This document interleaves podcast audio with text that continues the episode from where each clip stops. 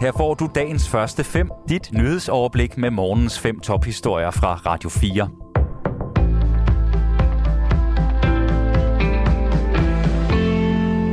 Det er mandag den 29. august. Mit navn er Thomas Sand. Christiania har sagt ja til, at der skal bygges 15.000 kvadratmeter almene boliger på fristaden i København frem mod 2031. Det bekræfter talsperson for Christiania, Hulda Mader, efter et fællesmøde i Den Grå Hal.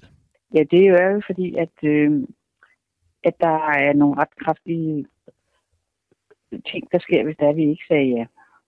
Og det, altså, vi siger jo ja Ligesom, altså, fordi at det var mere usmageligt. Det var, mere, det var ikke særlig godt at sige nej, fordi så mistede vi husnød blå karamel. Vi mistede øh, alle muligheder for at, at udvikle Christiania, fordi vi havde ikke nogen økonomi til at udvikle Christiania for med jaget til et udspil fra regeringen for kristianitterne blandt andet lov til at købe den del af volden og de boliger, som de i dag lejer af staten for 67 millioner kroner. I praksis betyder opførelsen af de 15.000 kvadratmeter almene boliger, at ca. 300 nye beboere vil flytte ind på Christiania inden 2031.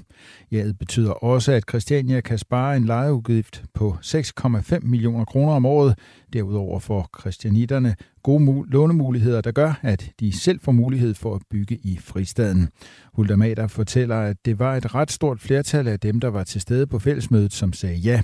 I dag bor der ca. 700 voksne og 150 børn på Christiania. Christianias advokat Knud Folchak havde inden mødet anbefalet Christianitterne at takke ja til regeringens aftale, da det ellers ville bringe Christiania i en økonomisk uoverskuelig situation. Her til morgen skal svindel tiltalte Sanjay Shah for en dommer i Dubai. Han er tiltalt for at have snydt den danske statskasse for næsten 10 milliarder kroner. Den 51-årige britiske forretningsmand forventes selv at møde op i retslokalet, hvor en dommer skal vurdere, om han skal udleveres til retsforfølgelse i Danmark. Shah blev anholdt i Dubai i juni på baggrund af en international arrestordre, som den danske de danske myndigheder fik udstedt. Indtil for nylig har Danmark og de forenede arabiske emirater ikke haft nogen aftaler om udlevering af personer til retsforfølgelse. Men i marts var daværende justitsminister Nick Hækkerup i hovedstaden Abu Dhabi, hvor han underskrev en samarbejdsaftale. Shah er tiltalt for bedrageri af den danske statskasse for ca. 9,7 milliarder kroner. Det er ifølge anklagemyndigheden sket gennem svindel med refusion af udbytteskat. EU skal gribe ind og bremse de rekordhøje priser på strøm, så den lyder opfordringen fra Østrigs kansler Karl Nehammer, der vil tage sagen op på EU's kommende krisemøde om energi. Elpriserne skal ned. Vi kan ikke lade Putin bestemme hver dag, siger han med henvisning til de høje energipriser. Kansleren, kansleren har allerede diskuteret spørgsmålet med nabolandene Tyskland og Tjekkiet.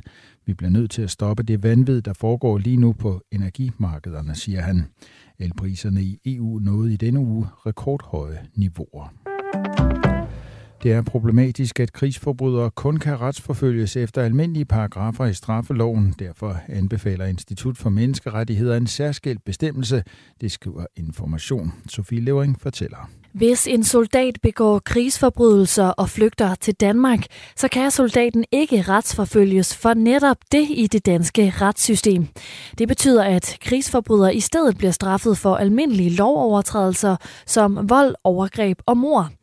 I stedet bør der være en særskilt bestemmelse i dansk lov, og netop det anbefaler Institut for Menneskerettigheder nu Justitsministeriet i et nyt policy brief. Det er vigtigt, fordi der kan være enkelte ting, som er svære at straffe for efter dansk lov, siger Peter Vedel Kessing, der er seniorforsker ved instituttet. Og så er der en vigtig signalværdi i, at vi straffer for, hvad det er, nemlig meget, meget grove internationale forbrydelser, siger han.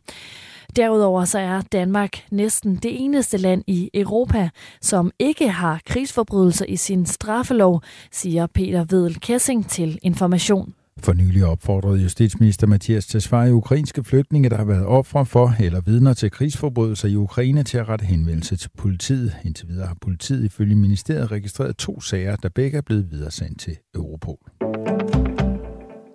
Venezuela og Colombia har genetableret de diplomatiske forbindelser efter tre års pause, det oplyser Colombias nye ambassadør i Venezuela. De diplomatiske forbindelser blev afbrudt i 2019. Bruddet var kulminationen på mange års spændinger mellem de to lande. Dagens første fem er tilbage igen i morgen tidlig.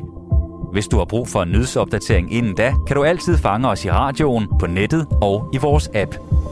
Vi høres ved til dagens første fem fra Radio 4.